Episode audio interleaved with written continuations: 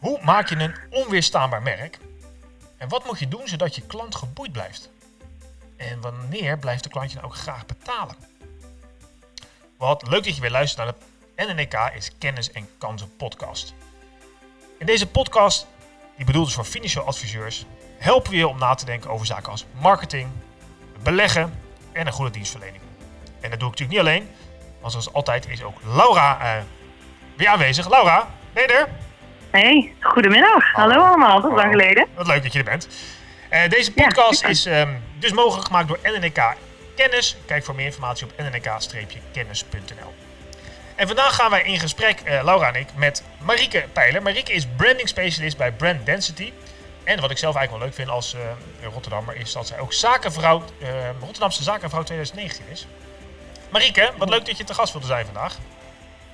Ja, dankjewel. Leuk om hier te zijn. Ja, nou ja, misschien. Uh, ja, ik kan me voorstellen dat niet iedereen jou kent uh, die uh, luistert. Dus misschien kun je eens beginnen met. Ehm, nou ja, wie ben je en wat is eigenlijk een branding specialist? Misschien die twee vragen. Ja, zeker. Nou, ik ben Marieke Pijler, zoals je al zei. Ik ben ondernemer. vier jaar geleden begonnen met Brand Density. Um, wat doe ik precies? Nou, laat ik dat even uitleggen in relatie tot de financieel adviseurs die wellicht luisteren nu. Vaak wordt gedacht dat branding te maken heeft met huisstijl en met bedrijfsnamen. Dat herken je wellicht wel. Dat het gaat om visuals, et cetera.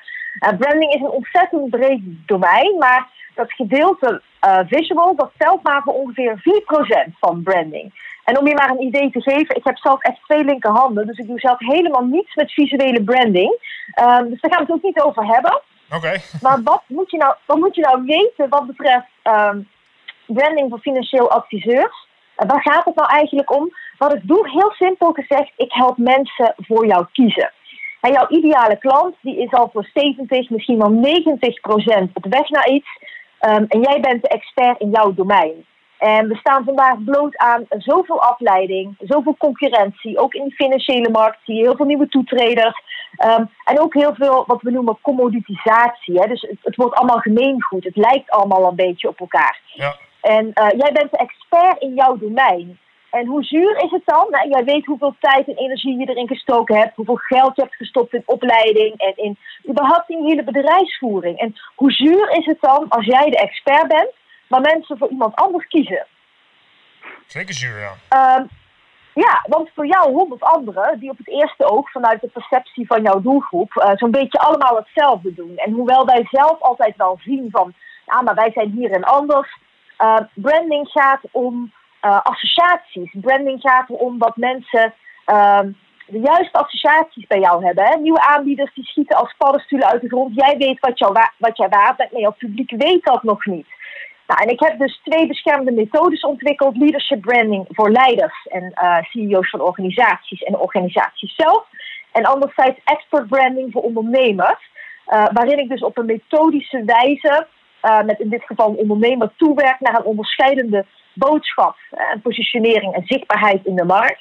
En specifiek dus voor um, financieel adviseurs betekent dat dus ook hè, jezelf positioneren als de go-to-expert in jouw markt. Hè, zodat jouw naam in één adem genoemd wordt met jouw subspecialisme in deze markt.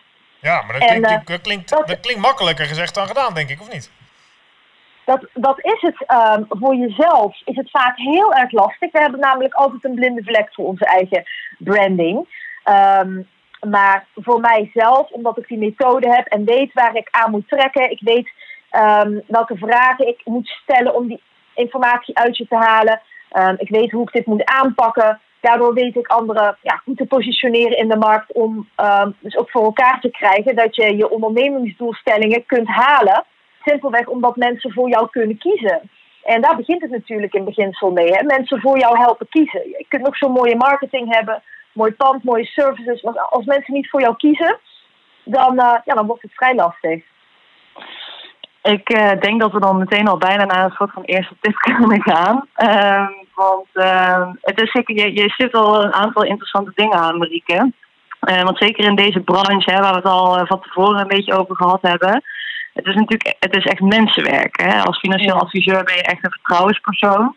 eh, van je klant. Eh, ehm, en ja, tuurlijk, je hebt een aantal randvoorwaarden van dat, dat je kwaliteit moet afleveren, dat dingen misschien op tijd worden geregeld. Uh, ja, nogmaals, randvoorwaarden, dat is logisch dat je dat doet. Ehm, dus daar kun je inderdaad kun je, kun je die strijd bijna niet meer van winnen. maar het gaat hierin natuurlijk echt, ehm, echt om persoonlijkheid. En zeker in deze branche. Maar hoe kun je dat nou, stel je bent een financieel adviseur en je luistert en je zegt, ja, ik wil dit inderdaad heel graag naar boven brengen. Ik wil me gewoon sterker positioneren zoals ik ben. Waar begin je? Ja, um, nou in beginsel sluit ik even aan op wat jij zegt. Ik vraag me af of iedereen dat ook goed begrijpt. Wat het grote verschil is tussen dus uitlichten van nou, uh, wij bieden een hele professionele service en we bestaan al zoveel jaar en uh, dit is wat we doen. Dat zijn eigenlijk allemaal categorievoorwaarden. En eigenlijk zijn dat pure randvoorwaarden om in jouw markt uh, nu actief te kunnen zijn. Dus al een mooie vraag die je zelf kunt stellen is: uh, waarop vind ik mijzelf onderscheidend? En wees dan eens heel kritisch en dus ook dood eerlijk naar jezelf. Is dat eigenlijk niet veel meer een randvoorwaarde om überhaupt actief te mogen zijn in ons vak als je het plat slaat?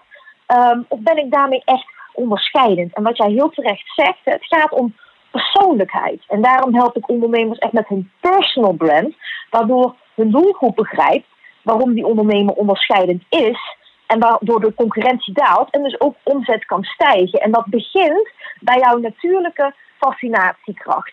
De grootste differentiator in de markt, uh, dat ben jij zelf. Dat zit niet in jouw service, dat zit in wie jij bent. Uh, en hier is heel veel wetenschappelijk onderzoek naar gedaan. Ontzettend interessant. En wat blijkt nou? Vind ik wel een leuke vraag aan jullie. Vinden jullie jezelf eigenlijk fascinerend? Ja, ik wel. Ja, ja vind je jezelf fascinerend? Zijn dat nou, Lau? Ja. Nou, meer ons, ons merk. Ja, ik vind NNK zeker fascinerend. Zeker. Ik ben daar super trots op. Ja. Oh ja, precies. Ja. En jij, Giel? Vind, jij, vind jij jezelf fascinerend als ondernemer? Mezelf, als persoon of als als persoon en als ondernemer? Oeh, dit is eigenlijk best wel een beetje een narcistische vraag eigenlijk, uh, Marieke. Maar uh, zal ik maar nu, ik moet dood eerlijk zijn. Nee, ik vind mezelf, uh, nou, mezelf fascinerend weet ik niet zo goed. Maar ehm, ik vind waar ik voor werk en waar ik voor sta wel heel fascinerend, zeker. Ja, ik vind het altijd een hele leuke vraag om te stellen. Omdat wij natuurlijk allemaal, hè, vooral ook in Nederland, zeggen we al vaak van, hè, doe maar normaal, dan doen we al gek genoeg. Ja, zeker, ja. Ik voel mezelf niet echt fascinerend. maar de wetenschap laat zien Iedereen is fascinerend. Ieder mens is fascinerend. Maar door uh, de opvoeding die wij hebben gehad en ook de cultuur waar wij uh, in actief zijn en een beetje de geldende normen en waarden, uh, hebben wij eigenlijk allemaal wat laagjes over ons heen gekregen om dat te verhullen. Want als ik jullie vraag ehm, van eh, ken jij kinderen in je omgeving en vind je die fascinerend, dan kan ik het antwoord eigenlijk wel voorspellen. Ik weet niet of jullie zelf kinderen hebben of dat jullie ze in je omgeving hebben. Maar vinden jullie kinderen fascinerend? Ik heb twee jongens en ik vind ze rete fascinerend, ja. Ja, en waarom? Nou ja, ze zijn onderzoekend, nieuwsgierig, verrassend. Uh, ze zijn zichzelf. Ja, ze zijn heel erg zichzelf. Hè? Ze zijn heel erg eigen. Ze hebben iets eigens. En het mooie is dat door uh, onze opvoeding, cultuur en wat ik al aangaf... Um, zijn we eigenlijk gewend om een beetje naar het, naar het midden toe te gaan. Naar het veilige midden. En dat veilige midden, dat, dat weet je misschien nog wel van uh, de basisschooltijd. Als je tot het veilige midden behoort, dan zit je wel goed. Um, maar dan zijn wij eigenlijk zo op geprogrammeerd en dan zijn wij zo in geconditioneerd. Wij zoeken het midden van alles op. En ik zeg altijd, nou, het midden van het podium, dat is goed. Daarin kan iedereen je zien. Maar als je in je online zichtbaarheid en in je branding het midden opzoekt, dan ziet niemand je staan. Waar mensen je in de zaal in van het midden van het podium zien staan, zien ze dat als je de middelmatigheid Hè, waar denk je dat het woord middelmatigheid vandaan komt? Als je dat opzoekt, ehm, dan ziet niemand je staan. En dat komt eigenlijk omdat je daarin uh, wat jou super fascinerend maakt, ontzettend verhult. En iedereen die nu luistert, die heeft van nature een eigen fascinatiekracht. En vaak weten wij als mensen niet zo goed wat dat is. Maar sommige ondernemers die weten dat ontzettend goed uit te nutten. En ik durf ook oprecht te zeggen dat uh, in mijn ondernemerschap, ik heb echt zero euro besteed aan acquisitie. Ik heb mijn klanten altijd voor mij gewonnen door sterke personal branding. En niet eens zozeer door een kraakheldere propositie. Want daar heb ik in vier jaar best wel naar moeten zoeken. Ehm, het zit hem in waar anderen bij jou van aangaan. Wij leven in een tijd waarin eh, de aandachtspannen nog korter is dan die van een goudvis. Weten jullie toevallig hoe lang die is? Ja, dat is een paar seconden volgens mij. ja, dat is echt Helaas. minder, minder dan 9 seconden. En uh, op online kanalen is dat nog minder dan 3 seconden. En dat betekent dus dat uh, je de aandacht niet gaat winnen met een holle boodschap die het publiek al honderd keer gehoord hebt, heeft, maar met echt iets wat hen fascineert. En wat hen fascineert, dat ben jij zelf. Want als jij die, die, die financieel adviseur bent, die verbinding moet maken met het publiek, uh, waardoor mensen jou gaan vertrouwen, dan is er dus ook iets in jouw personal branding wat vertrouwen bij hen moet oproepen. En dat zit in jou. Dat zit niet zozeer in de service. Dat zit in iets wat jij consistent uitstraalt. En waardoor jij, waarmee jij voortdurend zichtbaar bent, waardoor jij natuurlijk top of mind bent. Want je moet wel naar boven komen bij mensen als ze aan je denken. Um, en waardoor ze een gevoel hebben. En dit is wat ondernemers vaak heel eng vinden. Want als jij dus gaat kiezen voor een bepaalde manier waarop jij jezelf zichtbaar gaat maken, uh, dan zoek je een bepaalde hoek op en dan ontstaat meteen de angst van: oh, maar wacht, dan ben ik ook niet meer voor iedereen. Hè? Wij willen ja. van nature uh, mensen allemaal aanspreken. We hebben het liefst dat iedereen ons leuk vindt. Maar als niemand, als je voor niemand kiest, dan word je ook niet gekozen. En als je dus ook niet laat zien wat jouw fascinatiekracht is, kun je mensen niet voor jou helpen kiezen. Hè? Je wint niet door uh, de stilte op te zoeken en dus door die middelmatigheid op te zoeken. Die, die middelmatigheid die gaat je ook niet beschermen en die gaat je ook niet helpen in het behalen van je ondernemingsdoelstellingen. Het moet, je moet het zo inzetten dat mensen direct voelen dat jij de go-to expert in jouw markt bent. En dat jij ook nog eens met zo'n associatie naar boven komt dat mensen voor jou kunnen kiezen, maar dat er ook mensen zijn die dat niet doen. En dat is perfectly fine. Er zijn altijd mensen die, uh, um, ja, die, die wat minder bij jou hebben. Hè. Sommige mensen vinden mij bijvoorbeeld heel, uh, nou, uh, heel energiek, die, die genieten daarvan en die hangen aan mijn lippen. En andere mensen die vinden dat een beetje too much. En dat mag. Ja. Helemaal oké. Okay. Maar wat zijn dan fascinaties die. Uh, want ik snap, ik snap wat je zegt. Ik herken het ook wel, maar ik kan het toch niet goed duiden volgens mij. Want als ik nou Um, hoe, hoe, kan je zo'n voorbeeld geven van hoe je dan die, jouw eigen fascinatie bijvoorbeeld, hè, jij bent misschien ook gefascineerd door jezelf, en dat durf je dan ook nog te uiten, want dat is misschien een beetje on-Nederlands, maar dat doe je dan. En dan, hoe gebruik je dan je eigen fascinatie om daarmee een bepaald vertrouwen op te wekken of authenticiteit uh, te creëren? Ja, nou in beginsel hoef je niet te zeggen in de markt dat je gefascineerd bent van jezelf. Je hoeft, je hoeft alleen maar te kiezen um, voor stappen in die fascinatiekracht, in, in dat wat jou het meest uniek maakt. Um, ik werk met wetenschappelijke methoden waarin ik kan blootleggen wat jou in de ogen van anderen fascinerend maakt. Dus niet zozeer wat jij zelf vindt, maar wat anderen fascinerend aan jou vinden. En heel simpel wat je daarover kunt doen, um, is gewoon eens met je klanten gaan praten en gaan zeggen waarom heb je nou echt voor mij gekozen in plaats van voor mijn, deals, hè, van mijn diensten. Dus ja, je, je biedt uh, hypotheekadvies bijvoorbeeld. Of uh, uh, je helpt mij als gepensioneerde aan vermogensopbouw. Dat is heel fijn, dat zijn mijn diensten. Maar waarom heb je dan voor mij gekozen? Wat roep ik bij jou op? Dat jij um, jouw financiële doelstellingen aan mij durft toe te vertrouwen. En dan krijg je hele leuke gesprekken met je klanten. Um, ik raad iedereen aan om dat gewoon eens te doen. Want als je dat soort vragen stelt, dat, dat geeft je een bepaalde kwetsbaarheid. Maar mensen zijn ook vaak heel erg geneigd om je daar eerlijk antwoord in te geven. En dan krijg je vaak antwoorden die je zelf niet had verwacht. Dan moet je ook een beetje doorvragen natuurlijk. Want mensen zeggen dan van ja, ik kreeg gewoon een vertrouwd gevoel bij je. Ja, waarom krijg je dan een vertrouwd gevoel bij je? Bij? Nou, ik werk dus met een methode waardoor ik eigenlijk tot een soort van blootlegging kan komen van wat jouw blueprint is. Um, waar zit hem dat nou precies in? Wat maakt nou dat mensen van jou aangaan? Nou, en dan kom je eigenlijk dus bij een soort van uh, types uit. Hè? Uh, de wetenschap laat zien dat je mensen in een aantal hokjes kunt onderverdelen. En dat klinkt heel fout. Um, want in onze maatschappij houden wij niet van hokjes denken. Maar ons brein uh, denkt wel in hokjes. Je moet um, bij een vakspecialisme moet je direct um, aan iemand kunnen denken. En dan moeten daar associaties bij komen, zoals bijvoorbeeld, oh, dat is dat is echt een avonturier in zijn vakgebied. Of dat is echt een visionair. Die pioniert echt altijd met de nieuwste methode. Uh, dat is misschien wel iemand die alles anders doet. Um, of misschien heb je wel echt de connoisseur in je vakgebied.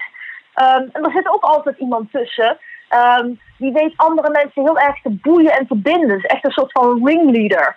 en als jij weet wat dat bij iemand is, dan kun je dat ontzettend gaan uitlichten. En wat je met personal branding doet, is eigenlijk het licht laten schijnen over wat iemand fantastisch fascinerend maakt. Dat kan een bepaalde eigenschap zijn. Um, en datgene wat die persoon minder fascinerend maakt, hè, wat um, eigenlijk op de achtergrond um, ja, latent aanwezig is, dat laat je achterwege. Dus je, je zet eigenlijk het, het licht vanuit de coulissen zet je op dat punt waar mensen van op aangaan, waardoor ze voor jou kunnen kiezen.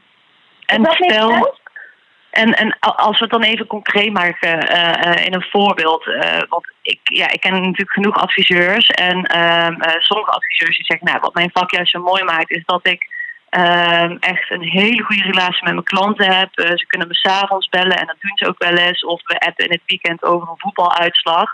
Dus met andere woorden, wat ik, wat ik dan een beetje proef bij uh, bijvoorbeeld één adviseur die zegt van ja, we klikken gewoon heel goed qua, qua humor en we, lachen wat af. En we hebben het in principe bijna niet over de cijfers, maar over andere zaken. Maar stel, dat komt dan naar boven in zo'n onderzoek. Hoe lig je dat dan uit qua, is het dan meer qua woordkeuze op je website? Maar, ehm, en misschien ergens ook wel visuals, ook al zei jij inderdaad, ik, ik ben nou niet echt van de, de design. Um, hoe ga je daar dan mee aan de slag? Dus er is op een gegeven moment die, die karaktereigenschappen, die fascinatiepunten, die zijn naar boven gekomen. Maar hoe vertaal je dat dan naar online of naar je, je, je online strategie? Ja, nou wat jij al zegt is al heel mooi, want dat soort zaken komen eigenlijk zelden uit een onderzoek. Um, het is ook geen, het is een onderzoek overigens wat ik in 10 minuten kan doen. Ik kan dat direct voor je blootleggen. Ik zou binnen nu in 10 minuten van jou exact kunnen weten um, waarom dat precies in zit. Dat doe ik door, door een onderzoek op jou te zetten. Um, maar waar zit, waar zit hem dit in? Um, het gaat er niet zozeer om, hè, dat lees ik ook vaak in teksten terug, van ja, klanten kunnen me altijd bellen en uh, we hebben een vertrouwensrelatie. De vertrouwensrelatie staat op één. Mijn brein sukkelt hier ontzettend van in slaap, want dit is exact wat ik bij iedereen lees. Ik kwam op ja. LinkedIn ook iemand tegen en die had ook in zijn tagline staan, uh, uh, ik ben de verschilmaker ja, what the heck? Hoezo dan? Uh, de kunst is om mensen zelf te laten concluderen dat jij dat bent. Door uit te lichten wat jou vanuit jouw persoonlijkheid super fascinerend maakt. En um, om dan eventjes die vertaalslag te maken naar uh, wat je aangeeft wat betreft woordgebruik. Um, het is sowieso altijd heel erg goed om te beginnen bij uh, waarom je doet wat je doet. En daar dus heel diep op te gaan. Wat is jouw purpose? Wat is de reden waarom jij ochtends uit bed stapt, je haren kan, uh, ontbijt maakt, op de fiets springt, koffie zet en weer aan de slag gaat voor dag en dauw voor je klanten? Wat is die diepe driver? Um, veel mensen die weten niet, wat jij al zegt, wat een financieel adviseur doet. Hè? Vaak denken ze dat het een soort van uh, accountant is. En, ja. En dan gebruiken ze allerlei bewoordingen, zoals financiële coach en financieel privéchauffeur.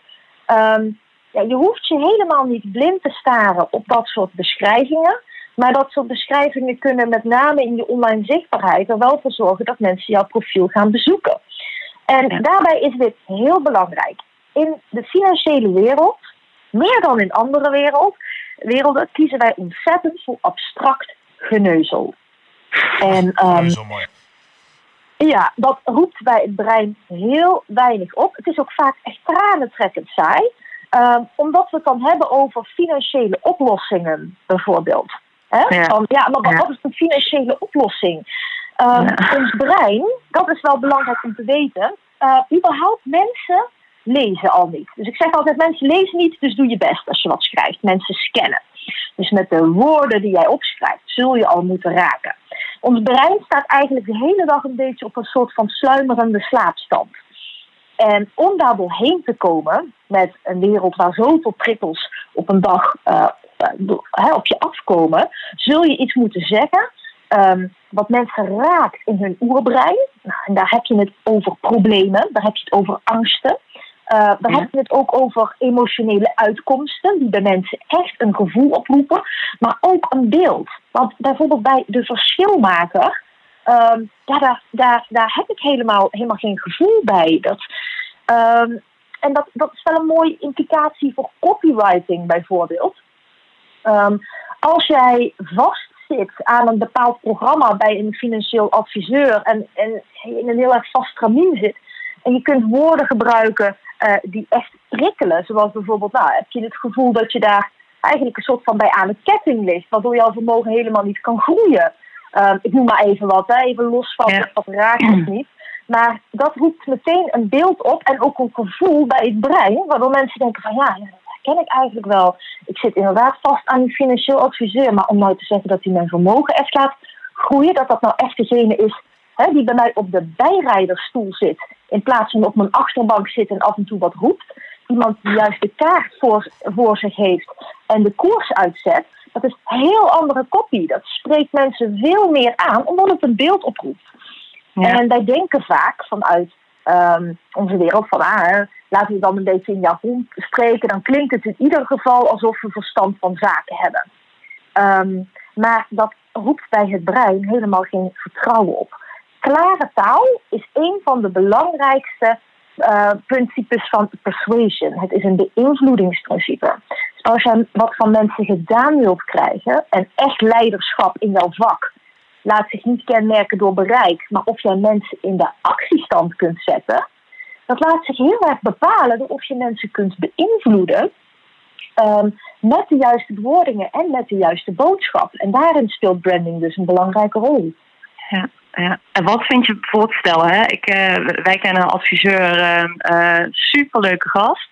En uh, persoonlijk vinden wij het heel gaaf hoe die, hoe die zijn branding heeft gedaan. Maar hij uh, als hobby ja, natuurlijk crossfit. En dat heeft hij dus helemaal teruggebracht in zijn branding. Dus hè, echt kracht en ook volgens mij kettlebell zeg maar, op zijn kantoor. Hij heeft hele gave foto's laten maken. Ehm, ja, en het, het straalt gewoon een bepaalde kracht uit. En het is ook natuurlijk, ja, het, het is zijn passie. Uh, dus het hoeft niet per se te betekenen dat klanten uh, die zelf aan het crossfit uh, zijn, dat, dat die nou per se bij hem terechtkomen. Maar het, het straalt wel iets uit. En ik kan me ook wel voorstellen dat mensen die juist toch wel een beetje in die sport zien zitten, die denken, oh ja, oh wacht, dat, dat doe ik ook, daar heb ik ook een passie voor. Die raken ja. misschien toch getriggerd. Vind je, wat, hoe kijk jij dan, dan naar, naar als expert? Ja, ik vind dat, ik vind dat prachtig, omdat hij les toont. Hè, want hij laat iets van zichzelf zien. Uh, waardoor er misschien ook mensen zijn die denken van, oh, uh, crossfit, nou, ik, uh, ik ben meer van golfen, hier heb ik helemaal geen gevoel bij bijvoorbeeld, of het staat me helemaal ja. niet aan. Ehm, dat kan, ehm, maar wat hij doet, is eigenlijk iets wat zich heel erg leent voor storytelling. En als er iets is wat veel meer in het financiële domein mag terugkomen, dan is het storytelling, verhalen vertellen. Um, want alleen al als je dat laat zien, die foto's met die kettlebells, dat vertelt een verhaal op zich. Dat vertelt een verhaal van kracht, van pijn, ja. van doorzettingsvermogen. Um, ook, van, ook van falen. Daar kun je natuurlijk ook een hele mooie parallel trekken. En um, ik heb zelf vroeger wedstrijdtraining gevolgd bij boksen. Um, regulier boksen deed ik. En ik vond zelf altijd dat er een prachtige parallel zat tussen alle lessen die ik opdeed in de boksring en het ondernemerschap. En ik merk dat als ik mensen uh, vertel over wat ik destijds geleerd heb. En ik had overigens helemaal geen talent voor boksen. Ik was, dat zei onze bokstrainer ook. En toch heeft hij mij ooit uitgekozen. Hij is zelf naar mij toegekomen en heeft gevraagd: Zou jij onderdeel willen worden van de wedstrijdgroep? Ik wil jou graag gaan trainen. En tot, eigenlijk tot uh, verbazing van een aantal hele fanatieke mensen in die wedstrijdgroep. Die dachten: ja, het box nog helemaal niet zo lang en waarom zij. Um, maar dat vertelt een verhaal. Hij zag toen al iets wat mij heel erg kenmerkt. En dat is namelijk een doelgerichtheid. En die ja. doelgerichtheid die zit heel erg in dat verhaal van hoe ik destijds um, met heel hard werken, misschien wel harder dan de gemiddelde, um, dat weet ik wel zeker trouwens, toch steeds beter ging boksen. En ik zag die boksleraars rijzen en denken van verdorie, zie je nou wel, wat zit in haar? En hij zei ook tegen mij, als jij ooit jouw wedstrijd speelt, dan ben jij degene die wint. Omdat jij weet hoe hard je moet werken voor succes. En een ander die zal falen omdat hij zich verslikt in zijn talent. En die verhalen, als ik die vertel in mijn ondernemerschap en ook in mijn reis over waar ik nu sta als ondernemer en hoe ik dat kan vertalen naar branding, dat is waar mensen van aangaan. Um, en niet dat verhaal dat ik een uh, dat ik Rotterdamse zakenvrouw van het jaar ben. Of uh, ja, dat, ik, dat ik al vier jaar heel hard werk voor mijn succes en dat ik hele mooie klanten heb. Um, mensen moeten zich met jou kunnen binden. En storytelling is uh, zo oud als de mensheid. Dat laten uh, religieuze boeken ook alleen al zien. Het zijn eigenlijk de beste vormen van storytelling die blijven verteld worden. Dus als financieel adviseurs veel meer van zichzelf gaan stoppen in hun branding. En zichzelf dus, dus, dus ook hun, hun uh, kwetsbaarheid daarin durven stoppen. Het gaat niet alleen maar om successen. Dat maakt dat mensen zich met jou kunnen verbinden. Want wij zijn ook al heel snel geneigd om te zeggen van uh, ja, ik vertel alleen over mijn successen. Terwijl het leven gaat om het ontdekken van jouw eigen reis en hè, de held in jouw eigen verhaal. En de kunst van storytelling is dat jij als financieel adviseur anderen kunt helpen ontdekken hoe zij de held zijn in hun eigen verhaal. Ja, precies. En, en hoe, um, uh, hè, want jij houdt je ook veel bezig met, met online strategie, hè, als ik het goed heb begrepen. Um, want ik, ik spreek dan wel eens met adviseurs die uh, ja, websites uh, uit de jaren tachtig nog hebben, zeg maar. En dat, nou, overdrijf, ik overdrijf niet. Um, en uh, dan zeggen ze, ja, weet je, het heeft voor mij gewoon geen zin om uh, me daarop te focussen en daar geld in te investeren. Want mijn klanten krijg ik via mond-tot-mond reclame. Uh, dus ja, waarom zou ik moeite doen? Wat, wat zou je tegen zo'n adviseur zeggen? Nou, dat is hartstikke mooi dat je klanten krijgt door mond-tot-mond reclame, maar dat is nu. Dat wil ja. niet zeggen dat dat altijd is. Ik zou nooit, ik zou nooit wedden op op één en hetzelfde paard. Um, en allereerst, met wat je al zegt, daar wil ik even op inhaken. Want dat maakt al duidelijk dat de functie van een website verkeerd begrepen wordt door die adviseurs in kwestie. Een website is niet je marketing. Dat is niet waar mensen naartoe gaan en dan klant worden. Het is een platform wat dienst doet in je verkoopfunnel. En als je als financieel adviseur zelf je marketing doet, is dat het nummer één woord wat je op moet zoeken naar branding. Funnels, sales funnels. Hoe ga je mensen, hè, je hele marketing funnel, hoe maak je van een bezoeker uh, een boeker? Hoe maak je van iemand die nog onbekend is, hoe maak je daar een klant van? Nou, daarin, speelt, daarin is branding de leuning. Die zorgt ervoor dat mensen een gevoel bij je hebben en dat ze die leuning met vertrouwen kunnen vasthouden. Maar die sales funnel, dat is een trap. En mensen gaan, springen niet van onderaan die trap in één keer naar de eerste etage die sales funnel die moet ervoor zorgen dat mensen met vertrouwen die trap oplopen. Steeds een trap verder, jou leren kennen. Hè, net zoals we ook niet uh, trouwen op de eerste date. Um, zul je ook in je online communicatie bij mensen vertrouwen op moeten bouwen. Ja, en ik denk dat de adviseurs waar je op doelt vooral de ervaring hebben dat een website hen tijd en geld kost en weinig oplevert. En dat begrijp ik heel goed, want een website zoals die dus vaak wordt ingezet, is eigenlijk niets anders dan een digitaal huisje langs een ellenlange snelweg. En uh, het is heel simpel. Er zullen uh, borden moeten wijzen naar de afslag die gaat naar jouw uh, digitale huisje. En als die er niet zijn, ja, dan gaat die website niet renderen. Hè? als ja. niemand weet dat ze bij jou moeten zijn, dat heeft geen zin. Dus een website aan zich, als je daar alleen op wilt inzetten en het daarbij wilt laten, nou, doe het dan maar niet. Hè? Of maak er dan een visitekaartje van. Maar je website is een onderdeel van je hele marketing- en sales funnel. Uh, uh, dames, jullie zijn ontzettend lekker aan het kletsen. En dat is op zich super. Maar wij hebben altijd de voornemen om deze podcast ongeveer een half uurtje te laten. En we zijn al 29 minuten onderweg. Dat hadden jullie nooit gedacht. maar is, ik, het ging hartstikke goed. Maar ik dacht toch nog even de laatste paar minuutjes. Um, Marika, als jij nou die mensen die luisteren en denken... Ja, weet je, ze heeft allemaal gelijk. Ik moet er iets mee. Wat zijn de eerste dingen die je zou moeten doen? Wat kun je nu, als je, klaar, als je zo klaar bent met luisteren, wat zijn de eerste dingen die je doe dat? Want dat, dat zijn echt dingen waar je zelf concreet mee aan de gang kunt. De call for branding op dit moment is terug naar de eenvoud. Terug naar wie jij bent. En jij bent de grootste differentiator in je merk. Dus ga eens kijken hoe jij als persoonlijk financieel adviseur anders bent dan anderen? Waarin onderscheid jij je? En dan heb ik het niet over de inhoud, maar dan heb ik het over jou als persoon. Waardoor kunnen mensen voor jou gaan kiezen? Ga dat onderzoeken door allereerst daarvoor heel diep te raden te gaan bij jezelf. Hè? Wat is jouw origin story? Wat is jouw oerverhaal? Wat drijft jou? Wat zijn jouw kernwaarden? En als je die kernwaarden intern leeft, want branding is niet buiten roepen, hè? branding is intern alles goed op orde hebben en dat extern vertalen en zichtbaar maken, dan kun je de verhalen gaan vertellen die daarbij horen. Dus ik wil financieel adviseurs uitnodigen om zicht te krijgen op wie zij zijn.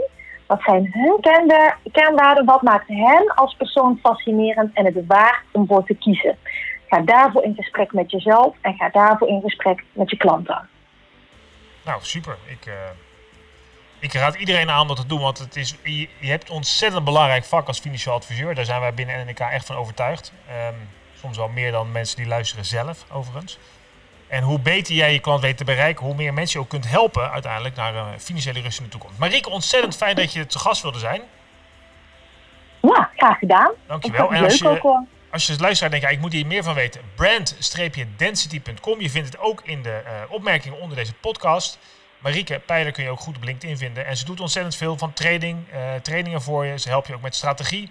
En zoals je al hoorde, kunnen ze kan op allerlei manieren meedenken om te zorgen dat jij ook goed uh, in de markt komt staan met de, met de persoon die je zelf misschien wel fascinerend vindt. Lau, had jij nog iets? Nee, nee, ja, nee, ik zou dus nog uren door kunnen praten, maar uh, we hebben geen tijd, het wordt afgebroken. Dus ja. ik vond het superleuk en, uh, om met een gelijk te praten. En nou, dat doen we gewoon misschien nog een keertje. Gewoon. Ja, waarom niet? Ja, zeker, leuk. Nou, dank allen. En jij ook bedankt voor het luisteren. Vind je dit nou interessant? Laat het dan weten. Heb je andere onderwerpen die we graag een keer moeten behandelen in de podcast? Laat het vooral ook weten. Wil je meer informatie? Eh, kijk op NNK Kennis, dat is nnk-kennis.nl en daar helpen we je graag verder.